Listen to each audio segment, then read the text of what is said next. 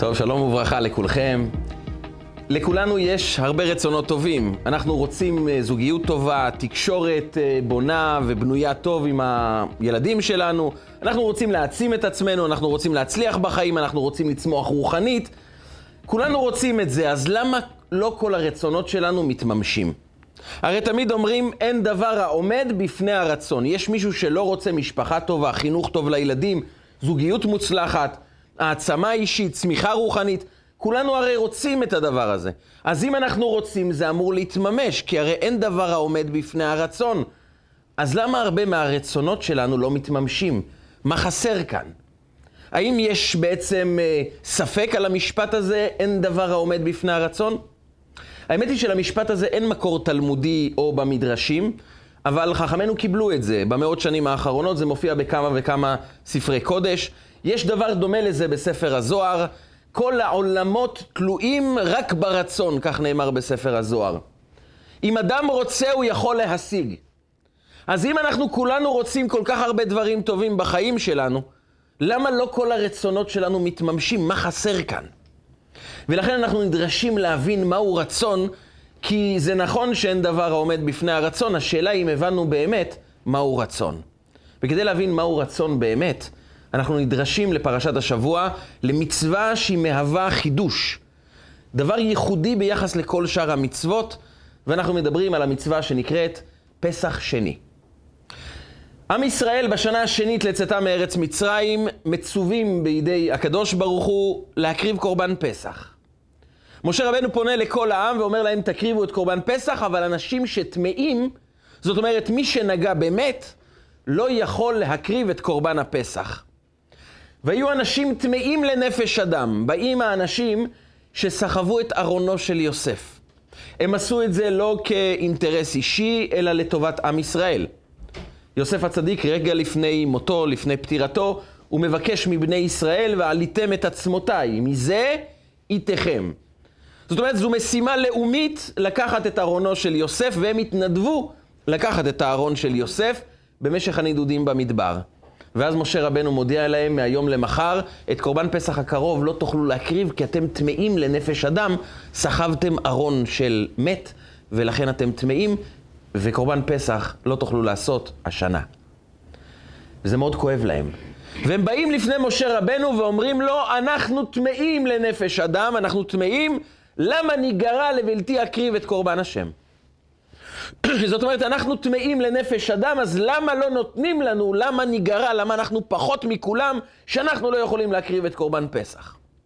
צריך להבין שהתשוקה להקריב את קורבן פסח, זו לא סתם תשוקה, זה לא עוד רצון. זה דבר שבער בתוכם, כי פסח מסמל את הקרבה האינסופית בין יהודי לבין הקדוש ברוך הוא.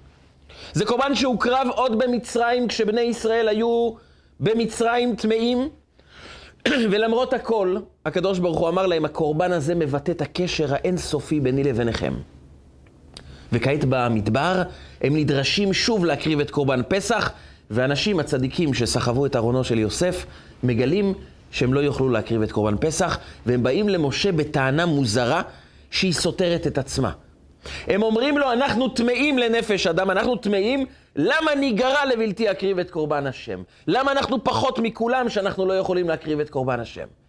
והדבר מוזר לחלוטין, אתם בעצמכם אומרים את התשובה. אתם טמאים לנפש אדם.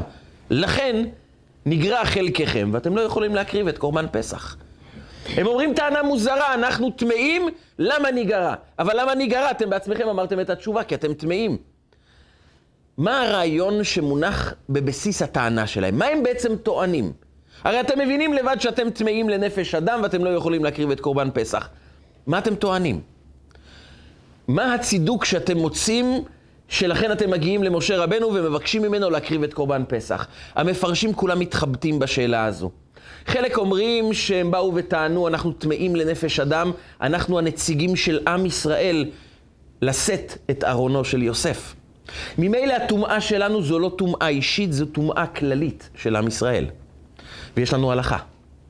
טומאה כללית בעם ישראל יכולה לאפשר לעם להקריב קורבנות. טומאה הותרה בציבור. זאת אומרת, אם כל עם ישראל טמאים, אפשר להקריב קורבנות. אם אדם פרטי טמא, הוא לא יכול, לא יכול להקריב קורבן, לא יכול להדליק, אה, לא יכולים להדליק את המנורה בבית המקדש. אבל אם כל עם ישראל טמאים, טומאה הותרה בציבור, הציבור יכול להמשיך את עבודת המשכן, את הקרבת הקורבנות רגיל, כי כולם טמאים. אז הם באו וטענו, הטומאה שלנו זו טומאה שמייצגת את כל עם ישראל. אנחנו ייצגנו אותם, אנחנו לא טמאים בגלל אירוע פרטי, אבל בפסוק זה לא כתוב.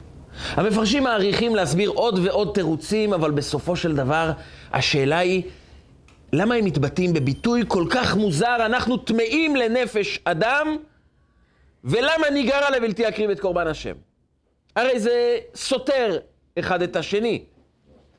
והתשובה של החסידות היא תשובה מאוד מעניינת. הם לא באו לטעון טענה הגיונית. הם לא באו עם איזה צידוק הלכתי, הם לא לקחו עורך דין והם לא ביקשו שאף אחד ייצג אותם. הם פשוט עמדו לפני משה רבנו ומתוכם בקעה זעקה והם אמרו, נכון, אנחנו טמאים, אבל למה ניגרע לבלתי אקריב את קורבן השם? כואב לנו, אנחנו ממורמרים, זה תופס את כל הנפש שלנו. אנחנו לא יכולים לישון בלילה, אנחנו לא מרגישים שאנחנו יכולים להמשיך במסלול חיינו, למה ניגרע זו זעקה ללא הסבר הגיוני. הם לא ביקשו צידוק, הם לא ביקשו לטעון טענה, הם לא באו לבית משפט בכלל. הם באו לזעוק את זעקת הנשמה שלהם. ולזה קוראים רצון. רצון זה לא עוד איזה תשוקה, עוד איזה איחול שאנחנו מאחלים לעצמנו. לפעמים אנחנו קוראים לרצון, אנחנו קוראים להעדפות שלנו רצון. אנחנו בעצם מעדיפים, אנחנו מעוניינים, זה בהחלט מדבר אלינו, אבל זה עדיין לא רצון.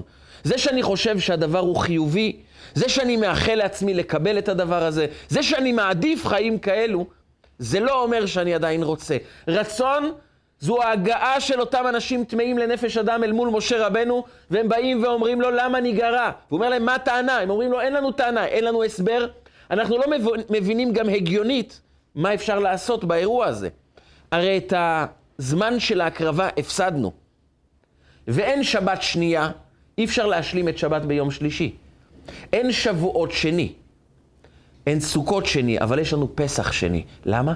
הגיעו אנשים והם זעקו, לא מתוך איזו הבנה מסוימת, לא מתוך איזו ראייה של מערכת החוקים, והם אמרו, אפשר להשתחל ואפשר בכל אופן להתיר. הם אמרו, אנחנו לא יודעים איך אפשר לעזור לנו. אבל אנחנו יודעים דבר אחד, אנחנו לא יכולים להמשיך ככה. הרצון הזה הוא רצון שתופס את כל הנפש שלנו. ורצון שאנחנו חשים אותו בכל האיברים, בכל הגידים, זה תופס את כל הנשמה שלנו, שאנחנו מרגישים שהחיים שלנו תלויים בזה, על רצון כזה אמרו שאין דבר העומד בפני הרצון. זה בעצם השאלה אם יש לנו את הרצון הזה ובמקביל יש לנו עוד מערכת חיים, עוד רצונות.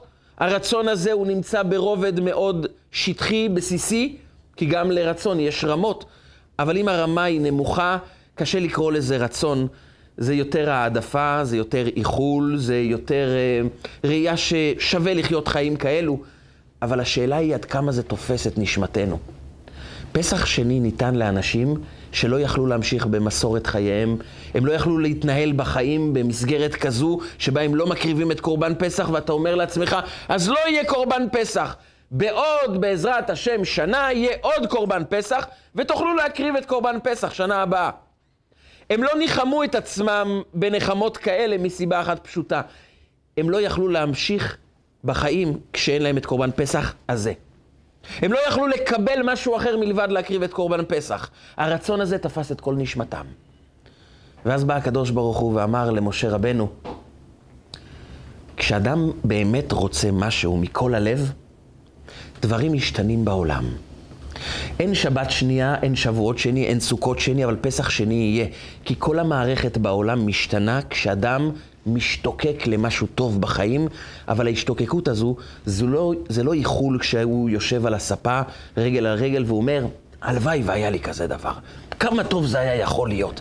באמת זה דבר מאוד מאוד נשגב וחיובי, הלוואי והיה לי.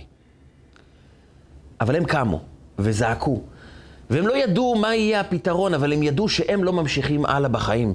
הם עוצרים את הכל וניגשים לעבודה. ורצון כזה, אומר הקדוש ברוך הוא, זה רצון שמעורר כוחות חדשים בבריאה. בתורת הקבלה והחסידות קוראים לזה ההבדל בין כוח פנימי לכוח מקיף. כוח פנימי זה כוח של הבנה. זו מידה שמעוררת אותנו להשקעה, לנחישות, לרצון אה, שהוא יותר מתבטא בעולם הרגשות, אני אוהב את הדבר הזה, או אני מפחד מדבר אחר, אני מתמיד, אני משקיע. אלו הם כוחות פנימיים. כמה תצליח? כמה שתשקיע, כמה שתבין יותר, כמה שתשקיע בלימוד, בהתמדה, אתה תגיע לתוצאות טובות יותר. אבל תמיד התוצאה תהיה מוגבלת לפי ערך ההשקעה וההבנה. אדם חכם יבין הרבה. אדם פחות חכם, כמה שהוא ישקיע, כנראה שהוא יבין פחות. זאת אומרת, לפעמים אנחנו נמצאים בתוך עולם שהוא נראה לנו לא הגון. למה האדם נולד כך חכם גדול והוא מבין הרבה יותר מהר ממני? הרבה יותר עמוק ממני, ואני צריך להשקיע כל כך הרבה, ואני מבין חלק קטן ממה שהוא מבין, האדם שניחן בכוח הבנה עמוק, בשכל טוב, בזיכרון גדול. אבל יש כוח אחד, ששם כבר זה פחות משמעותי כמה אתה חכם וכמה כוחות פנימיים יש לך. קוראים לזה כוח המקיף. כוח המקיף זו התשוקה שלך. והתשוקה היא לא כוח פרטי, היא כוח כללי בנפש. ואומרים בתורת הקבלה, ככל שאדם מתמקד ברצון אמיתי, בתשוקה, הוא מגיע בתודעה אחרת פנימית. אני רוצה את הדבר הזה, והרצון תופס את כל כולו. כאשר אדם משתמש בכוח שהוא כוח מקיף בנפש, הוא כוח שלא מוגבל בכוח של שכל, כוח של התמדה, כוח של השקעה, זו משיכת הנפש, זו דבקות הנפש. הנפש לא יכולה משהו אחר. האדם הזה יגיע רחוק עוד יותר מאנשים חכמים. אנשים עם יכולות גבוהות יותר לא יגיעו למקום שיגיע האדם שיש לו תשוקה, שיש לו רצון אמיתי, שהוא לא מוכן להמשיך לעבור לסדר היום בלי שהוא מממש את הרצון הפנימי שלו. יש לנו הרבה רצונות בחיים, אבל הרצונות נמצאים ברובד של העדפות, של איחולים, אנחנו רוצים הרבה דברים טובים, אבל הרצונות לא מתממשים כיוון שהם לא נגעו בנקודת הנפש שלנו. אנחנו לא משתוקקים בכל הנפש. וכשאדם משתוקק בכל נפשו, כאן נוצר, נוצרים חד, חיים חדשים. כאן נוצר דבר חדש. אומר הקדוש ברוך הוא, פסח שני ניתן כמצווה לכל עם ישראל. בגלל כמה אנשים שהשתוקקו להקריב את קורבן פסח והם לא באו עם טענות. הם פשוט אמרו, אנחנו לא יודעים מה, אין לנו הסברים, אנחנו יודעים דבר אחד, אנחנו לא יכולים להמשיך בחיים שלנו בצורה כזאת, אנחנו משתוקקים לזה. והשתוקקות אמיתית, זה גילוי הרצון באדם. וכוח מקיף, כוח על-טבעי, שאנחנו מעוררים אותו, אז הוא פועל פעולות על-טבעיות בעולם. זה סיפורו של פסח שני, אבל זה גם סיפורה של היהדות בכלל. אם נעיף מבט כללי על גדולי חכמי התלמוד, המשנה, תמיד נבחין באותו סיפור חוזר על עצמו. אנשים שהחליטו שהם רוצים את הדבר הזה, ושום דבר אחר לא נחשב בעיניהם. אחת מהדוגמאות המפורסמות זה רבי אליעזר בן הורקנוס. רבי אליעזר בן הורקנוס זה מי שנקרא סתם רבי אליעזר במשנה. היה לו היסטוריה, עד גיל 28 הוא היה חורש בשדה של אבא שלו. כיוון שהוא היה אדם עם הרבה כוח, אבא שלו נתן לו לחרוש את השדות הכי קשים, איפה שיש סלעים, אבנים קשות. ויום אחד אבא שלו רואה אותו בגיל 28, חורש את האדמה. הם היו משפחה מאוד עמידה, עשירים גדולים, לא היה חסר לו שום דבר. אבל הוא עומד ובוכה. ואבא שלו ניגש אליו ואומר לו, אליעזר, למה אתה בוכה? אני מבין, בטח נתתי לך עבודה קשה, לחרוש באזור הסלעים. אני נותן לך לחרוש במקום הרבה יותר קל. שינה לו את שדה העבודה, והוא רואה אותו למחרת שוב בוכה, והוא אומר לו, למה אתה בוכה? אתה רוצה עבודה יותר קלה? והבן מתפרץ בבכי מטלטל ואומר לו, אבא, אני רוצה דבר אחד, אני רוצה ללמוד תורה. אני משתוקק ללמוד תורה, אני מקנא באנשים שיושבים ולומדים את תורתנו הקדושה, אני גם רוצה להיות חלק מזה. אומר לו אבא שלו, תקשיב, אתה בן 28, איפה אתה תתחיל ללמוד לקרוא ולהתחיל ללמוד משנה ותלמוד? אתה לא בנוי לזה, זה לא בשבילך. אתה כבר הגעת לגיל שאתה לא יכול להשתנות. כמה פעמים אנחנו אומרים לעצמנו, בגיל עכשיו להשתנות, מאוחר מדי. התרגלתי, ככה אני, אולי הילדים שלי יהיו משהו אחר. אני משקיע בילדים, וזה בדיוק מה שאומר הורקנוס, האבא של רבי אליעזר, אומר לו, לילדים שלך תעניק תורה, תשלח אותם ללמוד, תשקיע בהם, כסף לא חסר, הם ילמדו ויהיו תלמידי חכמים. אתה, זה מאוחר מדי, ואבא שלו מסביר לו בהסברה הגיונית וטובה מאוד, שאצלו הסיפור אבוד. ורבי אליעזר מבין שהסיפור אבוד. אז מה הוא עושה? אז הוא מתחיל לבכות. הוא בוכה ואומר אומר המדרש, בפרקי דרבי אליעזר, במדרש שמספר את סיפורו של רבי אליעזר, את תורותיו, את כל המסרים שלו. מיד בהתחלה, פרקי דרבי אליעזר פותח בסיפור הזה ומספר את הפרט הבא, שאני חושב שהוא הפרט המהותי בכל הסיפור הזה. הוא לא אכל שבועיים. שבועיים הוא לא אכל. הוא לא הפסיק לבכות. ואחרי שבועיים, מספר המדרש, מגיע אליו אליהו הנביא ואומר לו, למה אתה בוכה? והוא אומר לו, כי אני רוצה ללמוד תורה. ואבא אומר שאין לי סיכוי, ואני לא יכול להמשיך בחיים. אין לי טעם באוכל, אני כבר לא רוצה שום דבר. אני לא יכול להמשיך בחיים האלה, אני רוצה ללמוד תורה. אומר לו אליהו הנביא, אז יש לי הצעה בשבילך. לך לבית מדרשו של גדול חכמי ישראל, רבן יוחנן בן זכאי. לך אליו ותלמד תורה אצלו. והמפרשים אומרים שהדבר הוא מוזר לחלוטין. מדובר כאן בבחור מתבגר, בן 28, שלא יודע לקרוא, שלא יודע ללמוד, ואליהו הנביא שולח אותו לישיבה הגדולה ביותר בעם ישראל, לישיבה של רבן יוחנן בן זכאי, מה הוא יעשה שם? מדובר בטובי המוחות, בגדולי הלמדנים, ברבנים של הדור הבא. מה הוא הולך לעשות שם כשהוא לא יודע להבין הלכה אחת? ומדובר באריות של תורה, אנשים שהופכים להיות המנהיגים של הדור הבא. מה הוא אמור לעשות שם? איך אליהו הנביא שולח אותו למקום מספר אחת בלימוד התורה, לישיבה הגבוהה, הגדולה ביותר, עם התלמידים העמוקים, החכמים ביותר. לשם הוא שולח את רבי אליעזר בן אורקנוס. למה הוא לא שולח אותו לתלמוד תורה, שילמד לקרוא הלכות פשוטות? אם יצליח, תשלח אותו בהמשך לרבן יוחנן בן זכאי, אבל למה מיד לשלוח אותו לשם? התשובה היא, אליהו הנביא מסתכל עליו ואומר לו, אתה שבועיים לא אכלת בגלל הצער הזה שאתה רוצה ללמוד תורה? על רצון כזה נאמר אין דבר העומד בפני הרצון, ואתה יודע מה הישיבה שהכי מתאימה לך עם סוג רצון כמו שיש לך? הישיבה הכי טובה בעולם זה המינימום שאתה יכול לקבל כעת. כי אין סוף למקום שאתה יכול להגיע עם ההשתוקקות שלך. הכוח שמניע אותנו, זה לא כמה שכל קיבלנו, זה לא כמה זיכרון יש לנו, זה לא מה עם כוחות הנפש שיש לנו, כמה התמדה קיבלנו, כמה סבלנות יש לנו, והרבה פעמים אדם אומר, אני נולדתי בלי סבלנות. אין לי זיכרון, אין לי יכולת העמקה, יש לי קוצים ואין לי קשב וריכוז. התשובה היא, הקדוש ברוך הוא נותן לכל אחד כלים, אבל יש דבר אחד שהוא לא עומד בפני הרצון, זה הרצון עצמו. אין דבר העומד בפני הרצון, הסבירו גדולי החסידות, יכול להיות שיכולות אין לך. רצון? מי מונע ממך מלרצות? מי אמר לך לא לרצות? יש מישהו בעולם שיכול לגרום לנו לא לרצות חוץ מאנחנו בעצמנו? מה מונע מאיתנו לרצות? לפעמים אנחנו רואים שדברים לא אפשריים, אז אנחנו מפסיקים לרצות. באה התורה ואומרת, אל תפסיק לרצות. אם אתה תרצה באמת, זה גם אליהו הנביא יבוא וישלח אותך לישיבה הטובה ביותר.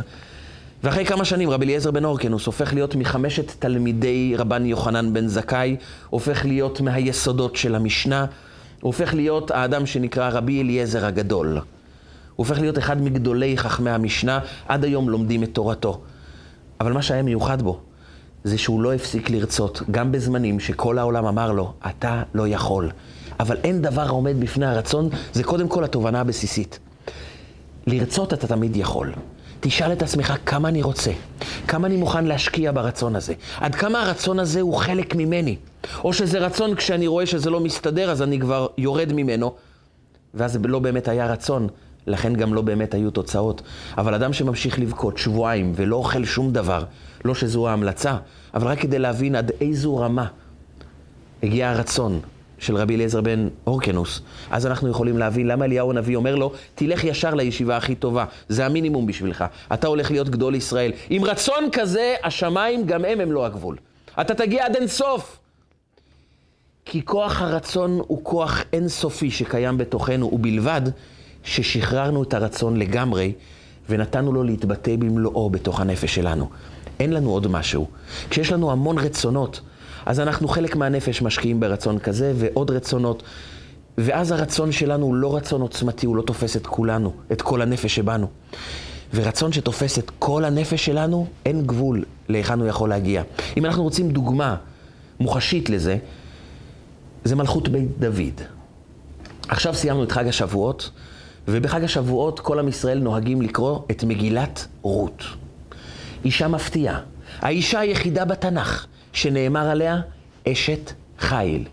אשת חיל ששרים בכל בית יהודי בערב שבת, אשת חיל מי ימצא, זה בעצם הולך לפי הרבה מפרשים על רות. ולמה היא אשת חיל? מה מיוחד בה? הסיפור הוא מאוד מפתיע. רות ועורפה הן קרובות משפחה. הבנות של עגלון מלך מואב, או הנכדות שלו, בכל אופן הן קרובות משפחה, שניהם, שתיהן מתחתנות עם מחלון וכיליון, הבנים של נעמי. הבנים מתים, נעמי מאבדת גם את בעלה, היא נשארת אלמנה, אם שכולה, ונשארות שתי כלותיה, רות ועורפה. והן לא עוזבות אותה. היא רוצה לחזור לארץ ישראל, היא חוזרת כענייה, למרות שבעבר שלה היא הייתה אישה מאוד מכובדת, ממשפחות מיוחסות, אישה מאוד עשירה. היא חזרה כענייה, בלי בעל, בלי ילדים, ושתי הכלות לא עוזבות אותה. הן אומרות לה, אנחנו הולכים איתך. הן רוצות בעצם להתגייר, הן רוצות לעבור לעם היהודי ולחיות בארץ ישראל. והיא כל הדרך מסבירה להם כמה זה קשה. היא מסבירה להם את כל ההלכות, את כל המורכבות בחיים היהודיים. כמה זה מורכב להיות יהודי, כי ההיסטוריה היהודית מלאה בכאב. ההלכות, הדרישות, זה לא מה שהורגלתם כבנות מלכים במואב. היא מדברת עם שתי בנות שגדלו במשפחת המלוכה. ולגדול במשפחת המלוכה במואב זו תרבות חיים שהיא אומרת להם, ההפך הגמור נמצא בארץ ישראל, אתם עדיין רוצות? והן אומרות לה כן, והן הולכות איתה, והיא מסבירה להם כל הדרך כמה זה קשה. עד השלב